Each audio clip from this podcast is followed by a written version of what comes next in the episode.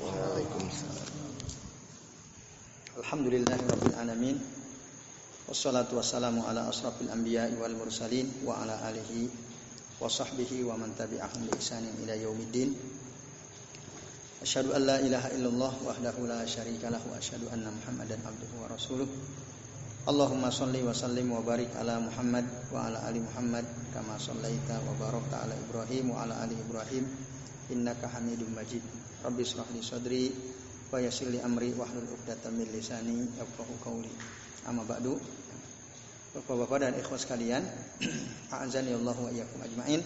Semoga kita semua yang hadir di majelis ini senantiasa dimuliakan oleh Allah Subhanahu wa taala. Amin ya Allah ya rabbal alamin. Alhamdulillah pada malam hari ini kita masih bisa bertemu untuk melanjutkan ngaji kitab Fadlul Islam. Dan kita akan lanjut pada halaman 38 ya. Silahkan dibuka. Yaitu hadis Inna ala Abi Fulan itu ya. Itu udah belum? Apa? Ya. Itu ya. Oke, silakan. Yang wafihi anna annahu sallallahu alaihi wasallam qala inna ala abi fulan laisuli bi aulia itu ya. Oke, baik. Silakan diperhatikan hadisnya. Ikhwas sekalian. Ini hadis sahih. Hadis sahih. Ini hadis sahih. Uh, diriwayatkan oleh Imam Bukhari dan Muslim dari Amr bin Al-As. Tapi ada tambahan, ya, ada tambahan yang di sini tidak sebutkan. Baik, saya bacakan. Dalam bab ini ada hadis dari Nabi Shallallahu Alaihi Wasallam, annahu atau anna Nabi Shallallahu Alaihi Wasallam kala sesungguhnya Nabi Shallallahu Alaihi Wasallam bersabda, Inna ala Abi Fulan, sesungguhnya keluarga Abi Fulan Abi Fulan siapa yang dimaksud? Ini di sengaja disamarkan. Ada dua sebab. Karena tidak penting disebut namanya. Ya. Karena tidak penting disebut namanya, maka Rasulullah tidak menyebutkan nama tersebut. Itu salah satu sebab kenapa tidak disebutkan namanya. Yang kedua di antara adab dari Nabi Shallallahu Alaihi Wasallam ketika keburukan, beliau biasanya menyembunyikan nama tokoh yang tidak bagus itu ya, kecuali memang itu diperlukan. Nah, karena tidak diperlukan dan ini dalam keburukan maka tidak disebut. Nah, itu. Tapi sebenarnya ini ada yang yang dimaksud ala Abi Fulan di sini ya keluarga Nabi keluarga Nabi seperti siapa paman beliau yang menentang Rasul itu? Seperti Abu Abu Lahab. Abu Lahab itu kan pamannya. Pamannya Rasulullah. Saudara kakak dari bapaknya Pak Pak D-nya. Abu Lahab itu Pak D-nya. Tapi ya walaupun punya hubungan dekat dengan Rasulullah, karena dia bukan orang beriman, dia bukan orang soleh, dia bukan orang bertakwa, nggak ada, nggak ada artinya kedekatan itu. Gitu ya. Jadi saya ulangi, Rasul mengatakan Inna ala abi fulan laisuli bi auliya. Innama auliyai al muttaqun. Sesungguhnya keluarga Abi Fulan mereka itu bukanlah waliku, bukan waliku di sini bukan orang bukan orang-orang yang aku cintai. Wali aulia dari kata walayah. Innama nah kata wali itu bisa dibaca waw lam alif ya ta itu bisa dibaca walayah, bisa dibaca wilayah. Wali itu bisa artinya orang yang dicintai, bisa artinya pemimpin. Kalau walayah artinya sesuatu uh, cinta al-mahabbah kalau wilayah artinya al-hukumah. Maka dalam surah Al-Maidah ayat 51 itu aulia di situ artinya dari kata wilayah bukan walayah. Walayah itu sesuatu dicintai. Kalau wilayah sesuatu yang berkaitan dengan masalah kepemimpinan al-hukumah. Nah, tapi di dalam konteks hadis ini maksudnya adalah walayah. Walayah itu adalah sesuatu yang cintai. Jadi sesungguhnya keluarga Abi Fulan mereka itu bukanlah waliku, bukanlah orang-orang yang aku cintai. Innama awliyai al-muttaqun. Sesungguhnya wali-waliku itu adalah kekasih-kekasihku, orang-orang yang aku cintai itu adalah orang-orang yang ber yang bertakwa. Ada tambahan di dalam hadis riwayat Imam Bukhari dari Amr bin Al-As, "Innama waliyi sesungguhnya waliku, kekasihku itu adalah ya Allah, Allah wasalihul mu'minin." Dan orang-orang soleh dari kalangan orang beri, beriman, beriman. Itu kekasih Rasul Allah yang paling dicintai oleh Rasul Allah. Kemudian orang-orang beriman yang so, yang soleh soleh. Hadis akhrajahu Muslim kalau ini eh maaf, hadis akhrajahu Al-Bukhari wa Muslim, Bukhari wa Muslim dari Amr bin Al-As. Nah, teman-teman sekalian dan bapak-bapak yang kami hormati, yang mudah kita semua dirahmati Allah, apa faidah yang kita bisa ambil dari hadis ini? Ya. Faidah yang pertama yaitu bahwa Rasul berlepas diri dari orang-orang yang tidak bertauhid. Siapa saja yang tidak bertauhid, tidak menuhankan Allah, tidak mengesahkan Allah baik secara rububiyah, uluhiyah maupun asma wa sifat, yatabarra'u minhu Rasulullah sallallahu alaihi wasallam. Ya, para rasul yatabarra'u mimman laisa ala dini tauhid. Rasul berlepas diri dari orang-orang yang tidak berada di atas agama tauhid. Walau kana min aqaribihi minan nasab meskipun dia dari kerabat dekatnya Rasul dari sisi nasab, fa innahu la Rasul tidak menyukainya. Makanya mereka tidak disebut orang-orang dicintai oleh Nabi sallallahu alaihi wasallam. Maka la yuhibbuhum madamu ala ghairi dinihi sallallahu alaihi wasallam. Rasul tidak mencintai mereka selama mereka tidak berada di atas agamanya Nabi tapi orang-orang yang dicintai oleh Nabi adalah orang-orang yang berada di atas agama Nabi, yaitu orang-orang takwa. Apakah dia dari kerabat Nabi atau bukan dari kerabat nah? Nabi? Selama dia takwa, selama dia berada di atas agama tauhid, itulah yang dicintai oleh Rasul. Maka dulu ada Salman Al Farisi.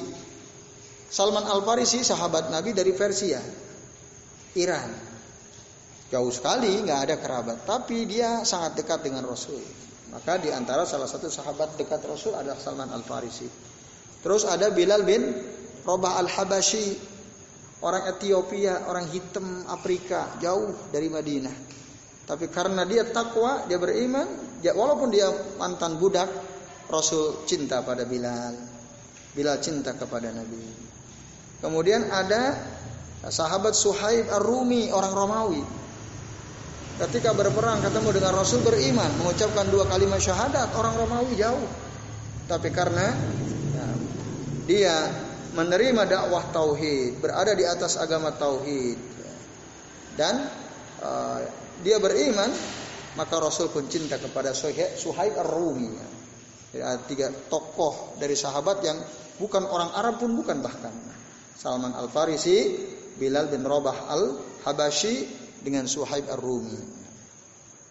Mereka ini bukan kerabat Nabi, sangat jauh, bahkan mereka sebagian adalah budak, tapi meskipun demikian mereka ada orang-orang yang dekat, bahkan soru akroban nasi ila Rasulullah sallallahu alaihi wasallam. Menjadi orang yang sangat dekat dengan Nabi wa ahabbahum ilaihi dan menjadi orang yang sangat dicintai oleh Nabi sallallahu Bukan kerabat. Tapi lihat. Ya. Kerabatnya sendiri yaitu Abu Lahab yang memusuhi Rasulullah tidak mau menerima dakwah tauhid, tidak mau beragama dengan agama tauhid, dia bapak eh, saudara dari bapaknya, kakak dari bapaknya, pak pakdenya dalam bahasa kita, ya wa huwa akhu abihi wa ma hadza faqad tabarra'a minhu sallallahu. Meskipun demikian, Rasul berlepas diri dari Abu Lahab ini jadi masalahnya bukan soal dia keluarga apa bukan keluarga. Tapi masalah apa? Masalah aga, agama. Tidak ada kemuliaan dari seseorang yang memiliki nasab dekat kepada Nabi, tapi secara agama nah, dia tidak di atas agama tauhid. Atau mungkin dia beragama Islam, tapi tidak mengikuti sunnah Nabi atau dia senang yang bid'ah bid'ah. Habib-habib banyak kan yang kayak gitu? Ada. Walaupun dia dari garis garis keturunan Rasul, kalau dia suka yang bid'ah bid'ah, ya, suka kepada sesuatu yang tidak diajarkan oleh Nabi, maka la syarafa lil qarabah minar rasuli biduni ad-din, biduni ittiba. Ya, tidak ada kemuliaan pada kedekatan garis kekerabatan dari Rasulullah tanpa agama yang benar jika ada kemuliaan. Tapi kalau dia memiliki hubungan kerabat dengan Rasul, agamanya bagus, ittiba kepada Nabi, tidak suka yang bid'ah menjauhi bid'ah, nah, orang begini memiliki dua ke kemuliaan. Syarafu al-qarabati wa syarafuddin. Kemuliaan karena kerabat, kemuliaan karena agamanya. Faya jtami ufihi syarofani. Maka berkumpullah pada dirinya dua kemuliaan. Kemuliaan kerabat Nabi dan kemuliaan aga, agama. Tapi sekali lagi tadi, kalau hanya punya hubungan kerabat dengan Nabi tapi agamanya rusak, nah, fala tanfa'uhu silatul korobati abadan ma'a mukhalafati ad-din sama sekali tidak ada manfaatnya hubungan kekerabatan selama-lamanya selama dia masih menyelisih agama yang diajarkan oleh Nabi Shallallahu Alaihi Wasallam. Nah ini terus kalian maka dalam hadis yang disebutkan man abihi amaluhu lam yusri bihi nasabuhu. Barang siapa yang tidak segera beramal maka nasabnya tidak akan bisa menyegerakan dia untuk masuk surga nggak bisa. Wah saya kan keturunan Rasul, saya kan Habib. Ya, kalaupun kamu Habib, kalau kamu tidak beramal atau kamu beramal tidak sesuai contoh Nabi, ya nggak ada artinya Habibmu itu. Nah itu. Nah, ini saya kira penting ya dipahami itu saja. Karena apa? Ada sebagian orang tokoh lah di Indonesia ini. Jadi yang namanya Habib itu baik ataupun buruk tetap harus dicintai. Wong Rasul aja nggak cinta, kok kita sering cintai. Afwan ya. Kalau nggak salah, Mbah Mun, Mbah Maimun tuh dalam salah satu apa pernyataan beliau dan itu di share ke banyak orang gitu ya. Jadi seorang Habib itu harus kita cintai. Ya, kita suka atau tidak? Tidak suka. Nah, dia perbuatannya uh, membuat kita tidak suka atau kita suka. Ya, kita harus cinta kepada kerabat Nabi SAW. Nah, kalau kita hadapkan dengan hadis ini, enggak. Hubungan kekerabatan dengan Nabi itu baru punya kemuliaan jika dia agamanya benar. Jika dia perbuatannya sesuai dengan sunnah Nabi. Kalau dia ahli bidah, ya kita nggak perlu menyukai walaupun dia dari garis keturunan Rasulullah SAW. Nah, itu terus kalian ya jelas ya. Saya kira sangat jelas ya. Nah, Iwas sekalian, azan ya Allah wa iyyakum ajma'in. Kemudian di sini sebutkan kata Syekh Al-Usaimi Man ahdasa fil islami walau kana min qarabati Rasulillah SAW faqad bari amin rasul. Barang siapa yang membuat perkara baru dalam Islam, membuat perkara bid'ah dalam Islam, meskipun dia dari kerabat Rasul Shallallahu Alaihi Wasallam, faqad bari amin rasul. Maka sungguh Rasul telah berlepas diri darinya. Kenapa? Karena fal bid'atu taqta'u sahibaha an tawallil mu'minin karena perbuatan bid'ah itu telah memotong si pelakunya dari tawallil mukminin dari loyalitas terhadap orang ber, beriman. Itu. Ya.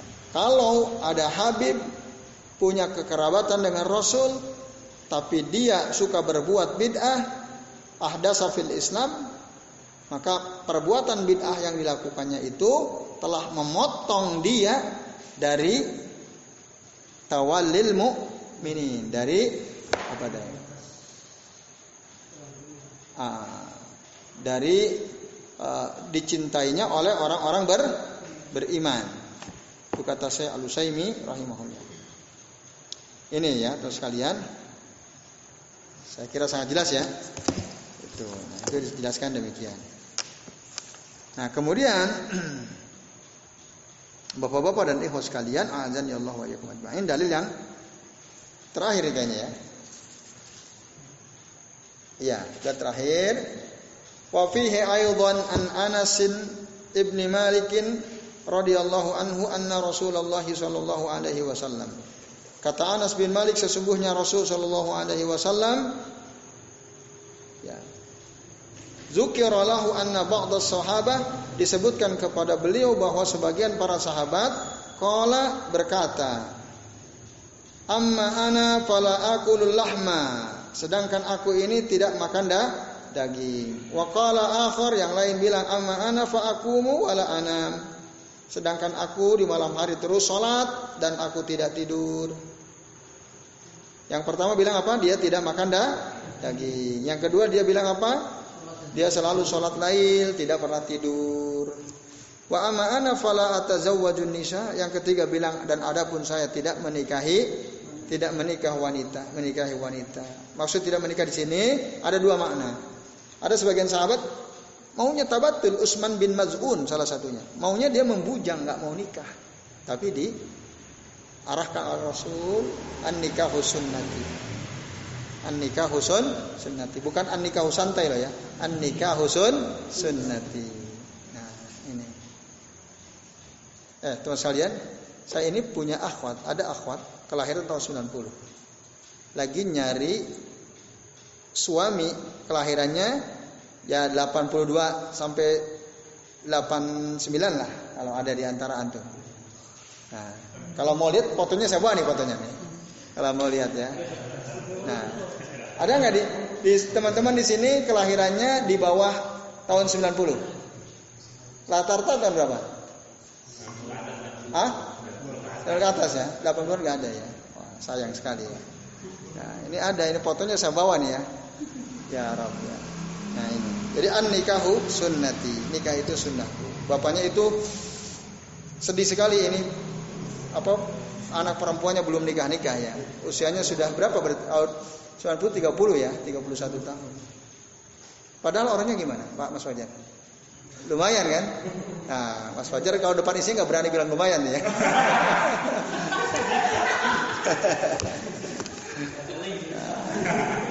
langsung dihapus fotonya sama Mas Fajar ya. Takut ketuaan istrinya ya atau udah ketahui? Ah. Ah, ya, ya. Ah, ya, baik. Nah, ini ya terus kalian. Nah, jadi Utsman bin Mad'un nggak mau nikah karena ingin terus ibadah. Kata Rasul, ya, an nikahu sunnati. Nikah sunnahku. Bahkan Rasul kariha yakrahu at-tabattul. Rasul itu membenci membujang, menjomblo. Ya. Bedakan membujang menjomblo ya. Kalau jomblo bagus, kalau membujang jangan ya. Kalau menjomblo kan artinya nggak punya pacar. Tapi kalau membujang belum nggak mau nikah nikah, nah ini nggak boleh. Kalau menjomblo mah bagus ya. Tapi langsung nikah pas ketemu. Gitu ya. Nah baik sekalian itu ya. Nah itu yang dimaksud Fala atazawwajun nisa itu satu artinya uh, aku tidak mau menikahi wanita, ingin membujang. Tapi ada juga yang memaknai bahwa maksud atazawwajun nisa itu artinya aku tidak berhubungan dengan istriku. Itu. Punya istri tapi nggak digauli istrinya gitu. Kenapa ya? Malamnya pakai sholat terus, istrinya dicuekin. Itu fala atazawwajun nisa. Wakala akhar, yang lain bilang lagi ama ana fa asumu wala uftir. Sedangkan aku puasa terus. Yang nggak pernah nggak puasa tiap hari nggak pernah buka puasa terus. Tapi waktu buka buka gitu. nyambung, sambung menyambung puasanya. Nah, pernyataan-pernyataan ini kalau kita baca lengkap hadisnya ya, adalah terjadi saat mereka bertanya-tanya kepada istri Rasul. Jadi mereka investigasi bahasa kita dalam tanda kutip, mewawancara istri Nabi Shallallahu Alaihi. Nabi itu gimana sih ibadahnya? Gimana sih makannya? Gimana sih puasanya? Nah, gimana sih hubungannya dengan istri seterusnya? Setelah diterangkan oleh istri-istri beliau, udah ternyata gampang banget ya.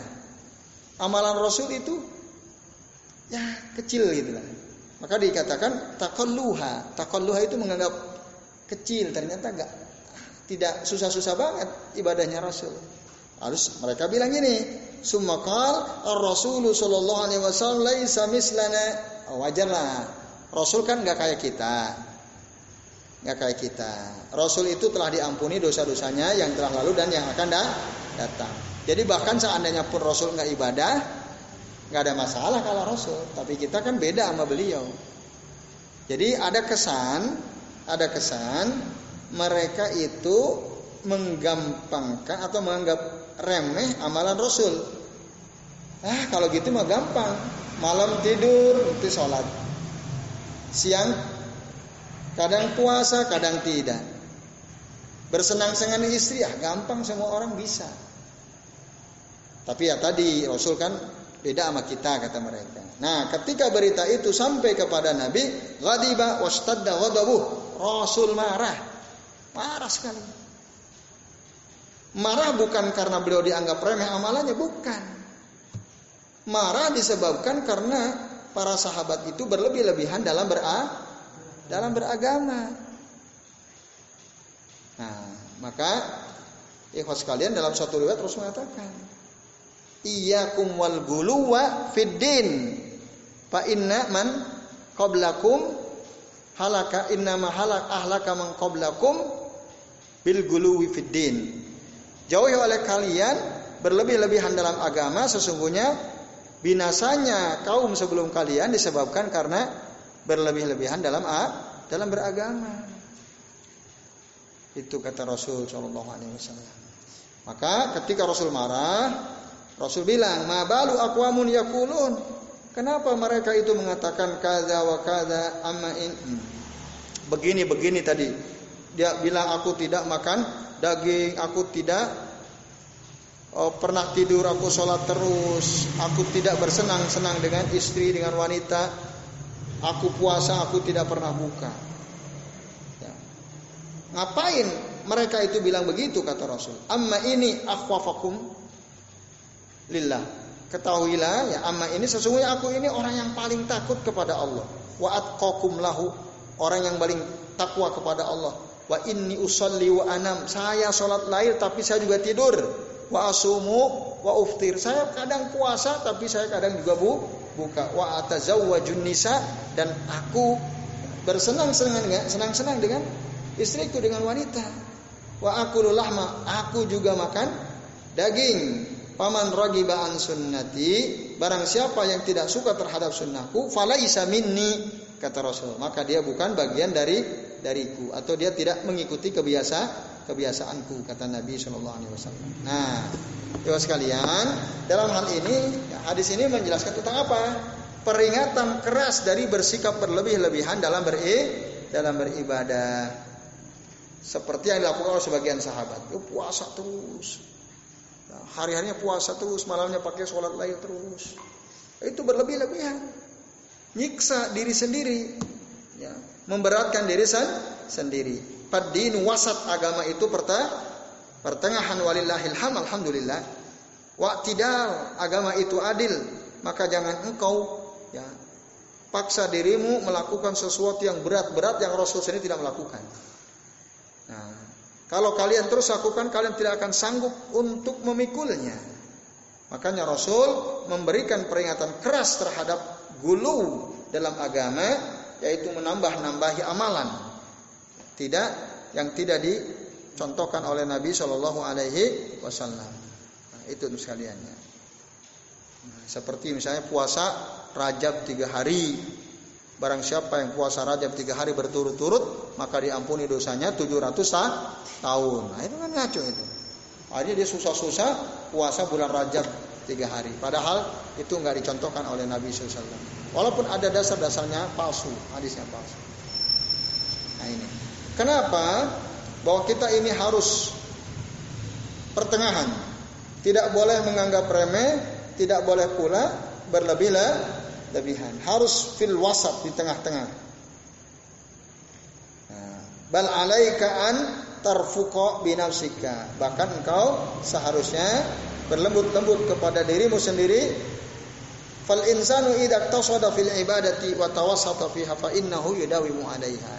Karena orang itu apabila dia berhemat iktasoda itu berhemat tidak berlebih-lebihan dalam ibadah beribadah dengan cara pertengahan dia akan bisa terus istiqomah mendawamkan perbuatannya itu tapi jika dia memberat-beratkan dirinya malam hari dia habiskan untuk sholat lail ya. dari jam 11 yang lain pada nongkrong di kok di makha di kafe dia pakai sholat. Sampai kapan? Sampai subuh. Tiap hari begitu. Nah, ini kalau terus-terusan maka akan memberatkan dirinya. Memberatkan dirinya. Nanti lambat laun dia akan bosan dan meninggalkannya. Oleh karena itu, pertengahan saja. Rasul puasa, kita puasa. Yang jelas Rasul ngajarin puasa kapan? Puasa tiga hari setiap bu, bulan. Puasa Senin ke Kamis sudah itu aja. Rasul pernah nggak puasa Daud? Nggak pernah, nggak pernah. Walaupun beliau bilang sebaik-baik puasa adalah puasa Nabi Daud alaihi salam. Rasul ngomong gitu tapi beliau sendiri nggak nggak melakukan. ada sahabat Abdullah bin Amr bin Al-As puasa Daud terus. Setelah diperingati Rasul kan itu puasa terus. Kalau kamu mau puasa Daud lah. Tidak boleh lebih dari itu. Ketika sudah sembuh menyesal. Duh, seandainya dulu aku ikuti apa yang dikatakan Rasul tidak akan seperti ini. Nah, karena beliau puasa terus ini. Abdullah bin Amr bin Al-As radhiyallahu anhu. Nah, ini jadi pertengahan saja. Ya, tentu saja selama dalam sesuai dengan tuntunan Rasul Shallallahu Alaihi Wasallam. Kalau kita memberat-beratkan diri kita dengan amal ibadah, akhirnya nanti nggak nyampe. Tahu-tahu futur, udah berbalik, ya, men, apa putus asa dan dia bahkan mungkin sholat pun nanti jadi tidak sholat. Nah, maka Rasul telah mengingatkan al munabbita innal munabbita la ardun qata awal dhahran abqa Sesungguhnya al-munabbita itu orang yang berjalan tidak pernah istirahat, jalan terus. Jarak tempuh padahal lumayan, ah dia pausa harus jalan terus. Ini bahaya. Ini perumpamaan. Misalnya teman-teman olahraga pagi kan, udah capek ah nggak terus terus terus gitu. Ah itu nggak bagus. Kalau memang capek istirahat. Karena kalau tidak disebut al-munabbit, innal munabbita la ardun qata'a. Karena dia terus memaksa dirinya, akhirnya nanti bisa jadi dia tidak bisa menyelesaikan perjalanannya sampai rumah. Tahu-tahu digotong masuk ambulan, nah, kan bahaya. Karena tadi memaksakan diri. La ardon koto akhirnya ya, bumi yang dia pijak itu tidak terselesaikan, tidak terselesaikan, nggak nyampe-nyampe. Coba kalau dia istirahat. Jamul kuah ya, jamul kuah itu mengumpulkan kekuatan dulu istirahat nanti jalan lagi. Nah, itu bagus. Begitulah Islam. Wala zohron abqa dan nanti kalau dia paksa-paksakan bahkan hewan tunggangan pun tidak akan ada yang sanggup menanggungnya menanggung dia. Unta pun nanti kita kelelahan kalau nggak istirahat. Itu maksudnya. Wala zohron abqa. Nah, oleh karena sekali lagi kita sebagai manusia biasa jangan terlalu berlebih-lebihan di dalam beragama kita membebani diri kita ini dengan sesuatu yang tidak dicontohkan oleh Rasul SAW. Nah, ini berbahaya bahkan nanti wafin nihayati yatruku al amal. Di akhirnya dia meninggalkan amal, amal yang diajarkan Rasul itu. Nah, ini bahaya sekalian. Bahaya ikhlas sekalian ya. Itu maka dinasehati oleh Rasulullah. Nah, jadi apa yang dilakukan oleh mereka itu berlebih-lebihan, gulu. Gulu. Dan berarti dia benci kepada sunnah Rasul. Kalau dia benci kepada sunnah Rasul, falaisa minni kata Rasul. Berarti Rasul berlepas diri dari mereka, mereka bukan bagian dari umat Nabi Muhammad Shallallahu Alaihi Wasallam. Nah itu teman-teman sekalian. Nah oleh karena itu tugas kita adalah mencontoh Rasul. Contoh Rasul nggak pernah tuh sholat malam semalam suntuk sholat terus nggak pernah. Rasul puasa terus panjang tahun tidak per pernah. Apalagi sampai tiga tahun. Itu ada namanya puasa dalail, ya kan? Puasa dalail. Atau zikir dari ba'da subuh sampai zuhur. Wow, saking semangatnya. Saya kalau zikir pagi petang kurang sampai zuhur pun kuat saya. Zikir dia sampai zuhur. Nah, ini ngaco ya. Rasul enggak. Ya, zikir zikir tapi enggak sampai habis subuh sampai zuhur di masjid terus duduk sambil zikir. Enggak. Beraktivitas santai dan seterusnya. Jadi jangan terlalu membeban-bebani diri kita. Karena itu nggak pernah dilakukan Rasul. Maka Rasul Allah bilang laqad kana fi Rasulillahi uswatun hasanah. Sungguh telah ada pada diri Rasul itu suri tauladan yang yang baik Al Ahzab ayat 21 udah ikuti Nabi kalau Nabi nggak nggak melakukan nggak usah dilakukan tapi banyak yang orang melakukan sesuatu yang tidak lakukan Nabi. Ada nggak? Banyak. Ya, entah itu zikir entah itu sholatnya entah itu puasanya dan seterusnya. Tidak nyontoh Nabi Nabi adalah contoh yang baik oleh karenanya mari kita bersikap tawassut pertengahan. Jangan jadi orang yang mutasahil menganggap remeh amalan dan juga jangan jadi orang yang gulu berlebih-lebihan dalam beragama. Jangan. Nah, itu pesan penting dari hadis ini ya, hadis Bukhari dan hadis Muslim ini eh, Bapak-bapak dan ikhwas sekalian, azani Allah wa. Ini penting kita camkan hadis ini ya. Baik. Jadi pertengahan saja. Nah kemudian bapak-bapak dan ibu sekalian, uh, dalam Al-Quran surah Al-An'am ayat 153 Allah Ta'ala berfirman, Wa anna hadha sirati mustaqima. Dan sesungguhnya ini adalah jalanku yang lurus, fattabi'uhu, maka ikutilah jalan yang lurus itu. Ya. Yaitu yang dicontohkan oleh Rasul Shallallahu Alaihi Wasallam. Bapak-bapak dan ibu sekalian. Nah, itu. Jelas ya? Jadi tidak boleh mutasyaddid atau mutasya mutasahil.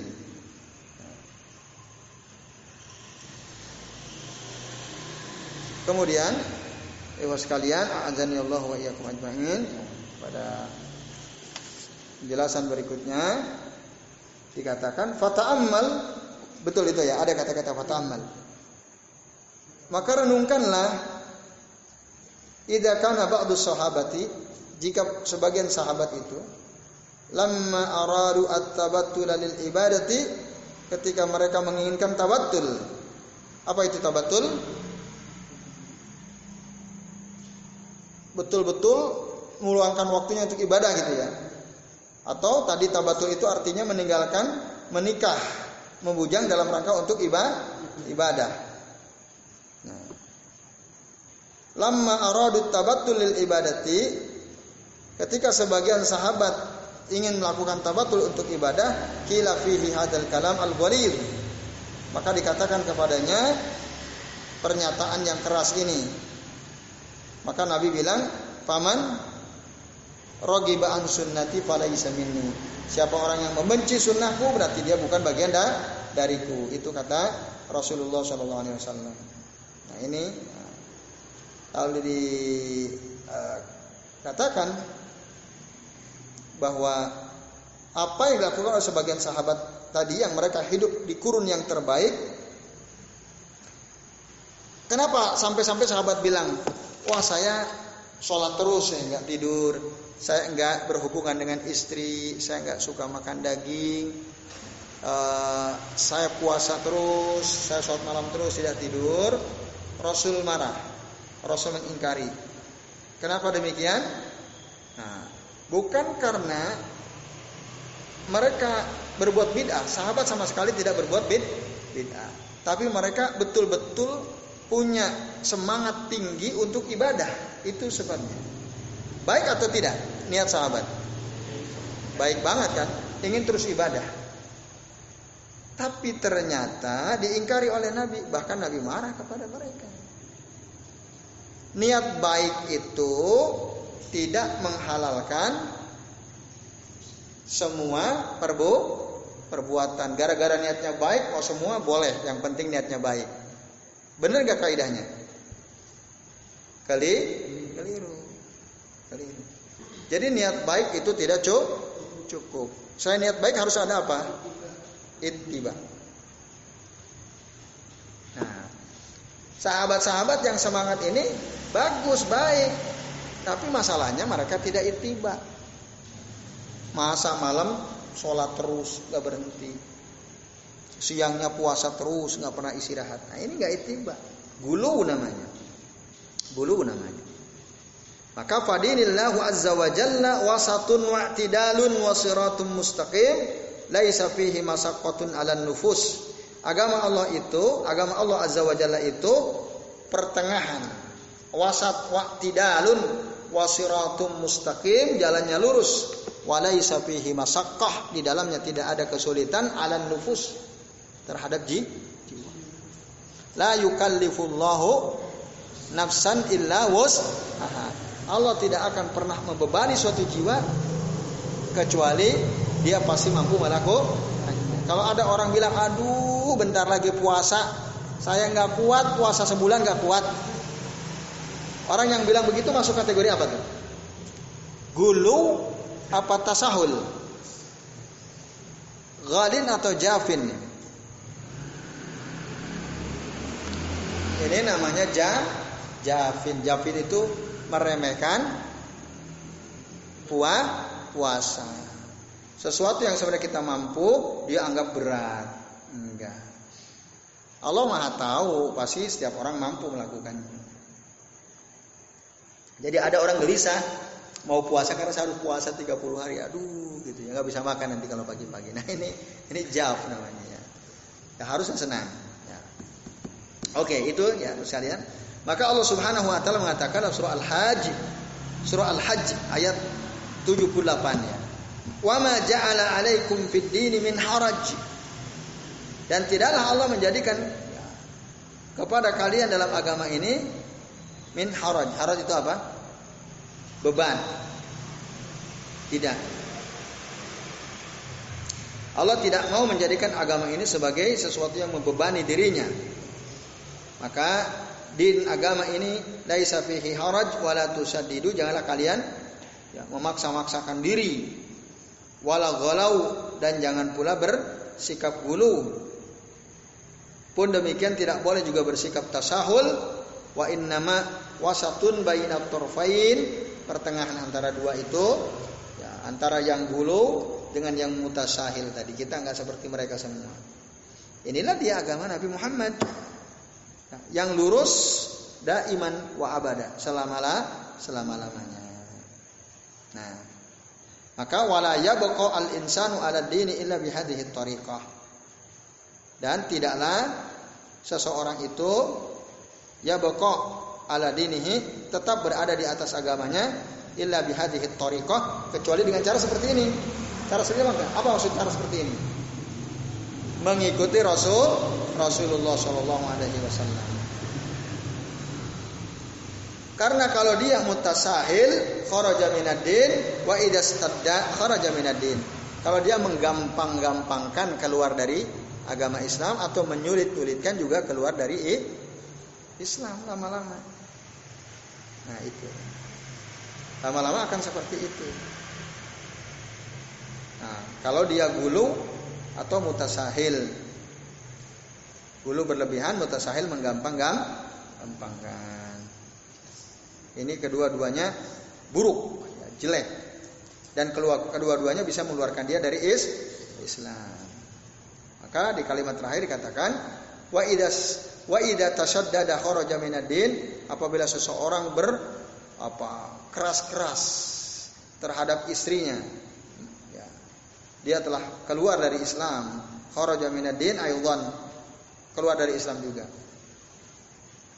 Nah oleh karenanya wala yusbitu illa idza kana alal wasiti alal wasatiyah wal i'tidal tidaklah ada yang uh, apa kokoh.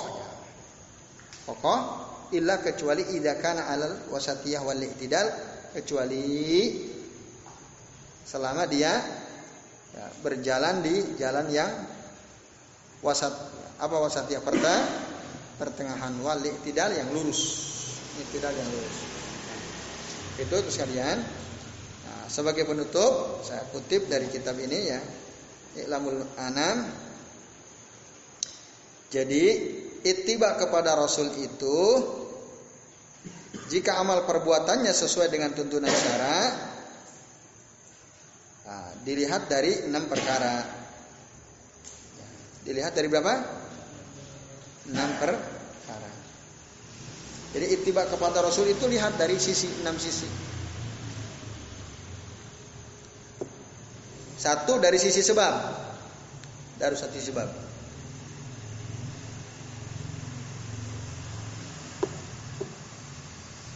Contoh, kalau enggak ada sebabnya, kita boleh nggak membuat-buat ibadah, padahal nggak ada sebabnya. Rasul sholat namanya sholat gerhana kusuk atau khusuk. Sebabnya apa? Kematian anaknya kah? Enggak apa? Karena Allah menakut-nakuti ham, hambanya kan gitu dalam hadis yukhawifullahu ibadahu. Nah, itu sebabnya maka kita sholat ger gerhana. Karena itu syar'i masruh.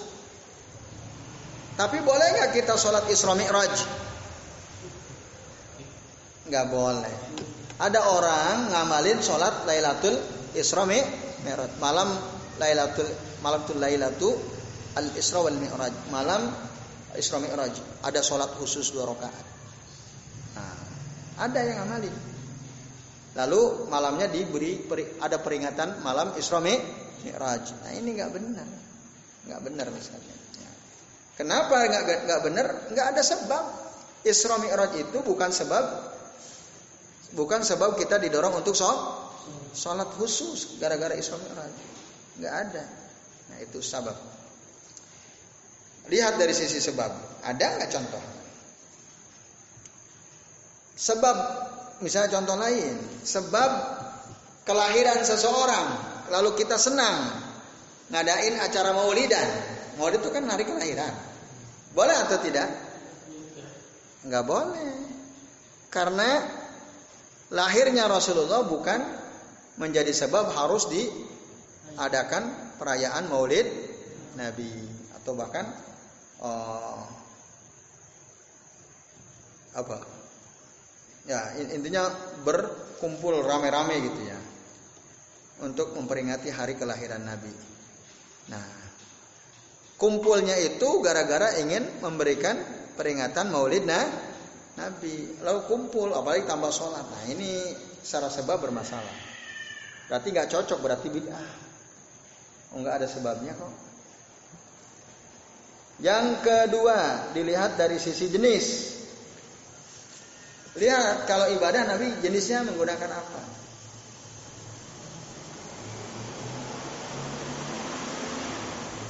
Contoh, Rasul itu kalau kurban pakai apa? Kambing atau unta? Sapi boleh enggak? Kurban, bo? Kerbau boleh enggak? Kuda boleh enggak? Kuda halal haram. Boleh enggak berkurban dengan kuda? Tidak. Zaman Rasul ada kuda atau tidak? Ada. Poros ada. Tapi Rasul tidak pernah berkurban dengan ku, kuda. Dari sisi jenis, ya kurban itu udah jelas hewannya. Oke, itu ya. Kalau ada orang kok kurban kurban apa ayam? Ya 100 ekor ayam ini saya kurban Idul Adha. Itu kan bukankah dalam hadis ada Ya perumpamaan orang yang tabkir datang bersegera kepada ke masjid nomor satu dia seakan-akan berkurban dengan seekor unta. Kalau dia datang ke masjid tapi nomor dua maka dia seakan-akan berkurban dengan seekor sa sapi. Kalau nomor tiga seakan-akan dia berkurban dengan kambing. Kalau nomor empat seakan-akan dia berkurban dengan seekor ayam. Nomor lima seakan-akan dia berkurban dengan telur. Kan ada itu kurban dengan ayam dan telur. Telur aja boleh masa ayam nggak boleh gitu. nah ini nggak bisa tuh menggunakan dalil itu. Berarti kalau gitu saya mau kurban dengan 100 ekor ayam. Itu nggak boleh. Karena dari sisi jenis nggak pernah dicon zaman nabi ada ayam nggak? Ayam zaman nabi ada nggak coba? Ada. Kalau kopi zaman nabi ada nggak kopi? Nggak ada. Nggak ada kopi itu baru dikenal ya setelah Pula Rasidin meninggal dunia, semua baru dikenal. Maka kalau ada orang kiai itu bilang, "Man mata wa fi batnihi syai'un minal qahwati lam yadkhulin nar" katanya. Au dakhalal jannah. Barang siapa yang mati wa fi batnihi dan di dalam perutnya ada syai'an minal qahwati ada ada ampas kopi di perutnya lam yadkhulin maka dia tidak akan masuk neraka. Orang yang mati ketika mati di perutnya ada ampas kopi habis minum kopi, habis kopi ngopi. Itu ada, ada videonya itu. Jadi seorang tuan guru di daerah kayaknya si Sumatera ya. Torikot, Torikot. Wah, Sampai beliau bilang, jadi kalau kalian ngopi itu ke mana pun pergi selama kopi masih ada di perut kita, malaikat akan apa mendoakan ya. Waduh keren betul itu ya. Padahal pada zaman Nabi belum dikenal istilah koh, kohwa itu belum ada. Kalau susu ada, kohwa nggak ada. Nah itu kan kacau luar biasa itu ya. Nah, tapi sayang yang ngomong ya tokoh-tokoh itu. Nah ini ya. Jadi nah, jenis lihat jenisnya. Tadi sebab ya, yang pertama sebab, yang kedua apa? Jenis. Kemudian artinya apa jenis tadi? Tidak boleh berkurban dengan sesuatu yang tidak pernah dipraktekkan oleh Nabi dari sisi jenis. Yang ketiga dari sisi kadar. Kadar itu bisa bilangan, bisa banyak sedikit. Contohnya, ya contoh keliru dari kadar ini. Sholat maghrib itu kadarnya berapa rakaat? Tiga. Boleh nggak? Aduh, tiga ini saya masih kuat. Tak tambah deh satu lagi. Boleh atau tidak? Enggak, boh?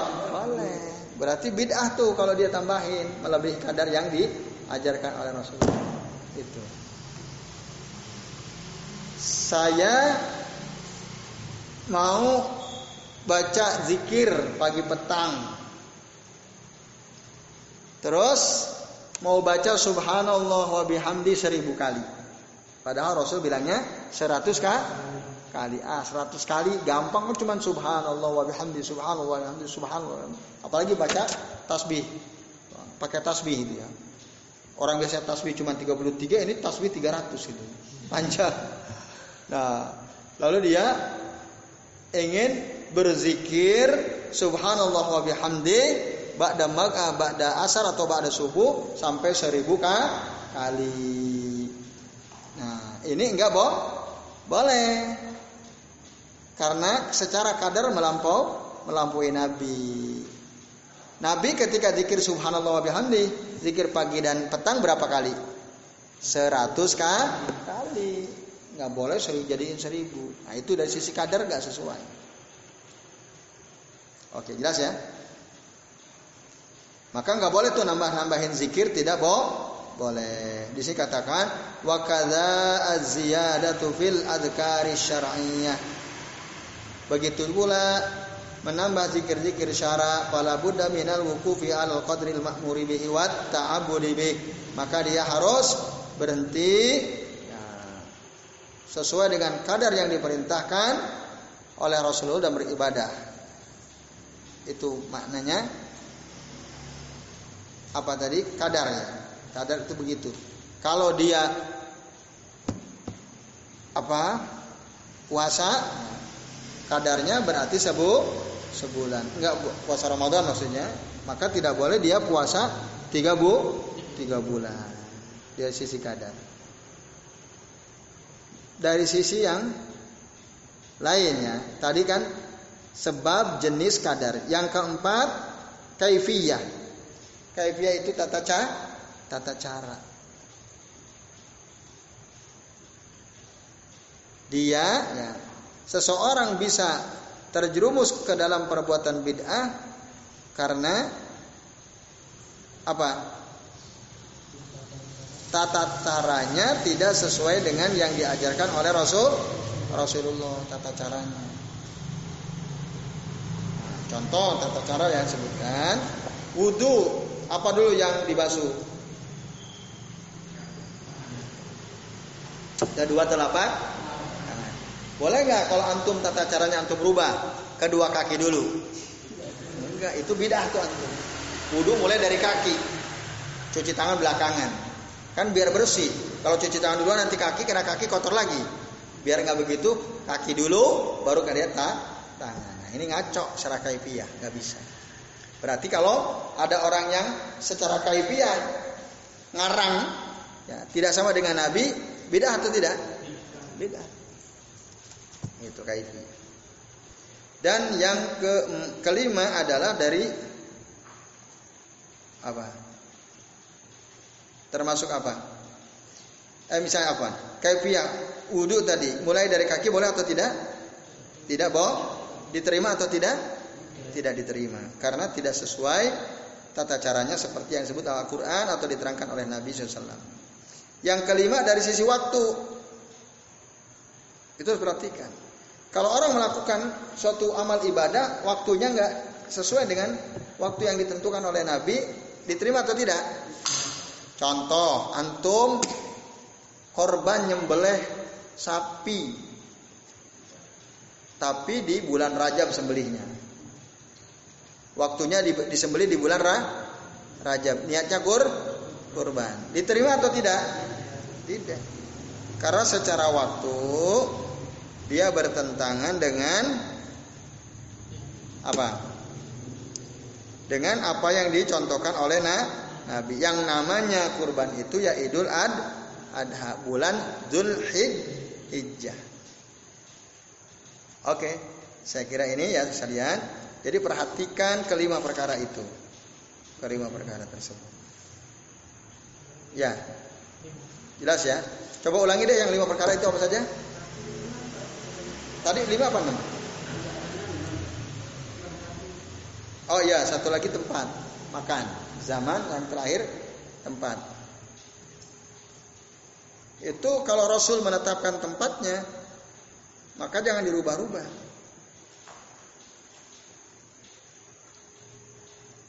Contoh, wukuf di padang Arafah. Rasul menentukan wukuf itu tempatnya di padang Arafah Arafah. Boleh nggak wukufnya di Jabal Uhud misalnya? Tidak boh? Tidak boleh. Atau wukufnya di mana itu? Di dekat Jakarta itu apa? Monas, dekat Monas wukuf. Boleh tidak? Ya nggak boleh. Yang namanya tawaf itu di Ka di Ka'bah tempatnya. Kalau tawafnya di benteng, Tawaf benteng itu, benteng itu ya. Nah, ini namanya dia ya menyelisihi yang diajarkan Rasul, maka orang yang tawaf benteng itu ya bid'ah itu ya. Tawaf itu hanya boleh di Ka'bah. Tawaf itu hanya boleh di Ka'bah. Di Kudus itu ada Masjid Wali. Di depan masjid itu ada gapura. Siapa saja orang yang menikah itu harus tawaf gapura. Dulu saya waktu nikah disuruh tawaf juga itu. Masya Allah. Waktu itu belum ini ya. Uh, intinya masih toleran-toleran gitu ya. Nah, kalau udah paham betul terus akan tolak enggak lah.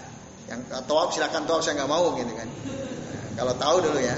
Nah, karena yang nggak boleh kita tawaf, tawaf itu muter-muter kecuali di Ka'bah. Apalagi kalau nggak tawaf orang habis nikah nggak harmonis loh. Paling 2 3 tahun cerai. Nah, kan itu ancamannya. Kan ngeri itu kalau nggak tawaf di masjid itu. Kan ngaco itu. Nah, ini ya, Mas kalian. Ya, tadi berarti ada perhatikan dari enam perkara, enam sisi tadi. Satu apa? Sebab. Dua apa?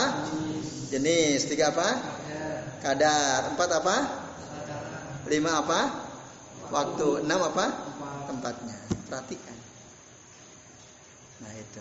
Kalau keenam perkara ini nggak ada sama sekali yang kena ya berarti bid'ah. Jadi ukur dari enam hal ini, enam hal diukur. Oke, saya kira ini jelas ya. Nah, jelas. Ya, oleh karenanya, nah, bayangkan tuh ya, sahabat saja dimarahi oleh roh Rasul, apalagi ki, kita sekarang ini.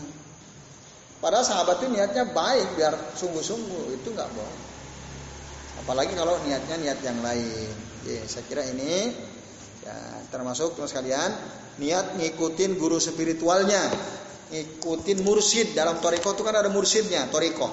Coba antum kalau punya teman toriko pasti dia punya syekh mursidnya ikut apa saja yang dikatakan oleh mursidnya harus manut. Kalau enggak bahaya.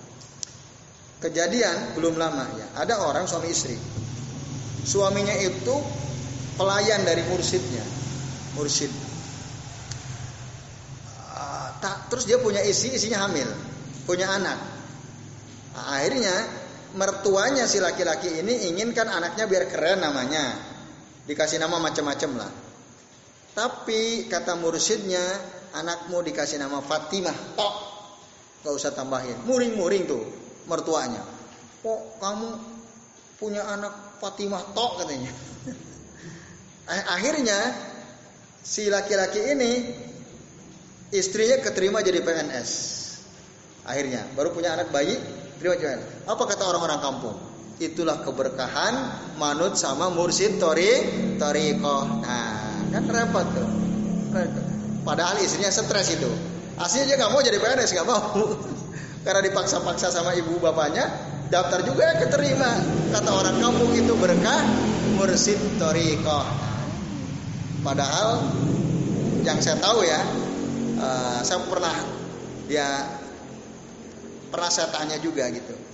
Uh, saya pernah telepon yang dekat si istri ya, istri saya yang dekat ke orang itu. Aslinya nggak mau, dia nggak mau jadi PNS nggak mau, ingin udah deh di rumah aja mendampingi suami gitu. Tapi karena bapak ibunya maksa, maksa ya, akhirnya daftar-daftar. Eh daftar kodarullah keterima jadi PNS di mana tuh Mergangsa apa mana tuh di apa di KUA gitu ya, keterima sebagai penyuluh. Nah, ibunya, bapaknya ya datang cerita juga ke saya orang tuanya. Itu kami yang maksa-maksa itu berkah dari mursid tori toriko. Padahal sebenarnya ibunya nggak terima itu aslinya dikasih nama anaknya cucunya Fatimah gitu ya. Ah, setelah ternyata keterima, oh ya ini ini berkah dari mursid toriko. Nah ini ini nggak benar ya seperti itu tidak ben tidak benar ya. Nah ini eh, bapak-bapak dan ibu sekalian, uh, artinya tadi ya saya ingin katakan bahwa ya kita yang harus diikuti itu oleh oleh kita ada Rasul Rasulullah Rasulullah SAW. Jadi kalau ada amalan dari mursid siapa pun dia, kalau melebihi dari apa yang diajarkan Rasul, jangan dia diamalkan. Tadi zikir Ba'da subuh sampai zuhur misalnya itu nggak boleh berlebih-lebihan. Ya saya kira ini ya. Uh, kalau enggak ingin cepat mati tidak boleh berhubungan suami istri selama 121 hari. Oh, itu ngaco lagi tuh. Saya tadi malam dapat jadi ada orang sakit katanya kata dukunnya kalau dia ingin sembuh, tidak mati, kan sekarang sakitnya. Ya, yang sakitnya kenal, dia jatuh dari waktu nukang jatuh. Kata dukun, kalau ingin sembuh, tidak mati, tidak boleh berhubungan suami istri selama 121 hari. Kan ngaco lagi itu ya. Nah, nggak ada kaitannya. Nah ini ya. Walaupun misalnya dukunya itu berkedok ustad gitu ya, berkedok mursyid itu. Nah ini nggak benar. Oke, saya kira ini monggo sekalian barangkali ada yang mau ditanyakan kami persilahkan. Sudah jelas? Ya, silakan. Ini kan mengenai tidak makan daging saat malam tidur dan sebagainya tadi. Hmm. Apakah itu juga bagian dari ajaran sufi kan? Ya, bisa jadi. Yang jelas itu tidak pernah diajarkan Rasulullah. Nggak pernah diajarkan oleh Rasulullah SAW. Ya. Kalau di Sufi memang ada ajaran seperti itu. Ya itu torikoh biasanya teman-teman yang ikut torikoh ya tidak boleh tidur sekian hari seterusnya. Kalau ingin begini ya harus begini dan begini. Nah itu. Nah itu menyiksa dirinya sendiri, memberat-beratkan diri sendiri. Kalau ingin dapat ilmu kanuragan, tidak boleh tidur selama 10 hari. Itu pelakunya cerita sendiri ke saya. Saya itu pernah melakukan tirakat tidak tidur selama 10 hari. Disuruh gurunya. Supaya punya ilmu. Masya Allah. 10 hari nggak tidur bisa mati itu. Kuat antum 10 hari tidak tidur. Kayak orang gila itu dia. Wah, dan nggak berhasil, nggak berhasil. Kata dia waktu hari ke 10 Pokoknya kalau dia ngantuk banget dia jalan sambil sempoyongan jatuh jalan terus ya. Sampai kurus dah. Supaya nggak ngantuk minum kopi sebanyak-banyaknya, makan minum kopi jalan udah. Di hari ke 10 kan dia baru boleh tidur hari ke 10 setelah terbit matahari. Nah, di hari ke 10 dia ampun berhasil. Abis subuh, abis subuh itu dia kan nggak pernah sholat jamaah orangnya emang. Itu ada orang-orang ikut toriko, toriko Jawa Timur ya. Pokoknya saya kenal, saya nggak usah cerita di mana. Tapi saya kenal benar nih orang. Saya pernah ngobrol sama pengikut-pengikut torikonya itu. Emang nggak ditekankan sholat jamaah. Yang ditekankan bantu sesama. Gitu. Sholat jamaah, sholat jamaah nggak enggak. Nah itu ya. Jadi ini yang ini dia nggak pernah sholat jamaah. Pada hari ke 10 Udah subuh Allahu Akbar Allahu Akbar. Ada udah senang dia. Wah, berhasil. Berhasil kan? Udah subuh kan ke terbit matahari dekat.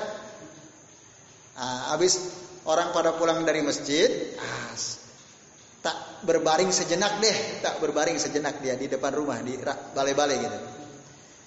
Berbaring dia. Matahari udah terbit belum? Belum. Belum. Maksudnya dia istirahat kan dia jalan terus capek ini. Tahu-tahu les tidur. Tidur sebelum matahari ter terbit. Tidurnya itu lama sekali ya. Pas dia bangun nangis-nangis katanya, aduh saya gagal. Ilmunya gagal juga dia dapat ilmunya. Padahal udah capek-capek dia tirakat 10 hari nggak nggak tidur. Nah itu menyiksa diri sendiri. Ya belum Allah alam ya. Katanya syaratnya harus 10 hari tidak ti tidak tidur. Ah. Yang laki-laki itu kan katanya yang pertama mau kamu nggak boleh nikah sama ini. Enggak, saya itu istilahnya apa ya? Kamu nanti kalau nikah sama nyebrang segoro getih itu apa? Ya. Nanti enggak lama lagi meninggal. Tak tahu sama sekarang yang masih hidup kok. Padahal di, dilanggar. Dilanggar. Nah, sekarang udah punya anak tiga. Nah, ya itu nah. Itu bohong gitu. Ya, gitu ya. Nah, itu itu lebih parah lagi kesyirikannya ya. Lebih parah kesyirikannya. Ya, yang yang dalam kaitan agama tadi ya udah nggak usah berlebihan. Pokoknya ya ikutilah Rasulullah. Itulah wasatiyah ya. Wasatiyah itu mengikuti Rasul Shallallahu Alaihi Wasallam. Oke, saya kira ini ya sekalian. Ya. Cukup ya. Terima kasih atas perhatiannya, semoga bermanfaat. Berarti pekan depan kita masuk bab yang baru. Jauhi bid'ah intinya, jauhi bid'ah. Jangan bergampang-gampang terhadap bid'ah. Eh, saya mohon maaf bila apa yang saya sampaikan saat. Wassalamualaikum warahmatullahi wabarakatuh.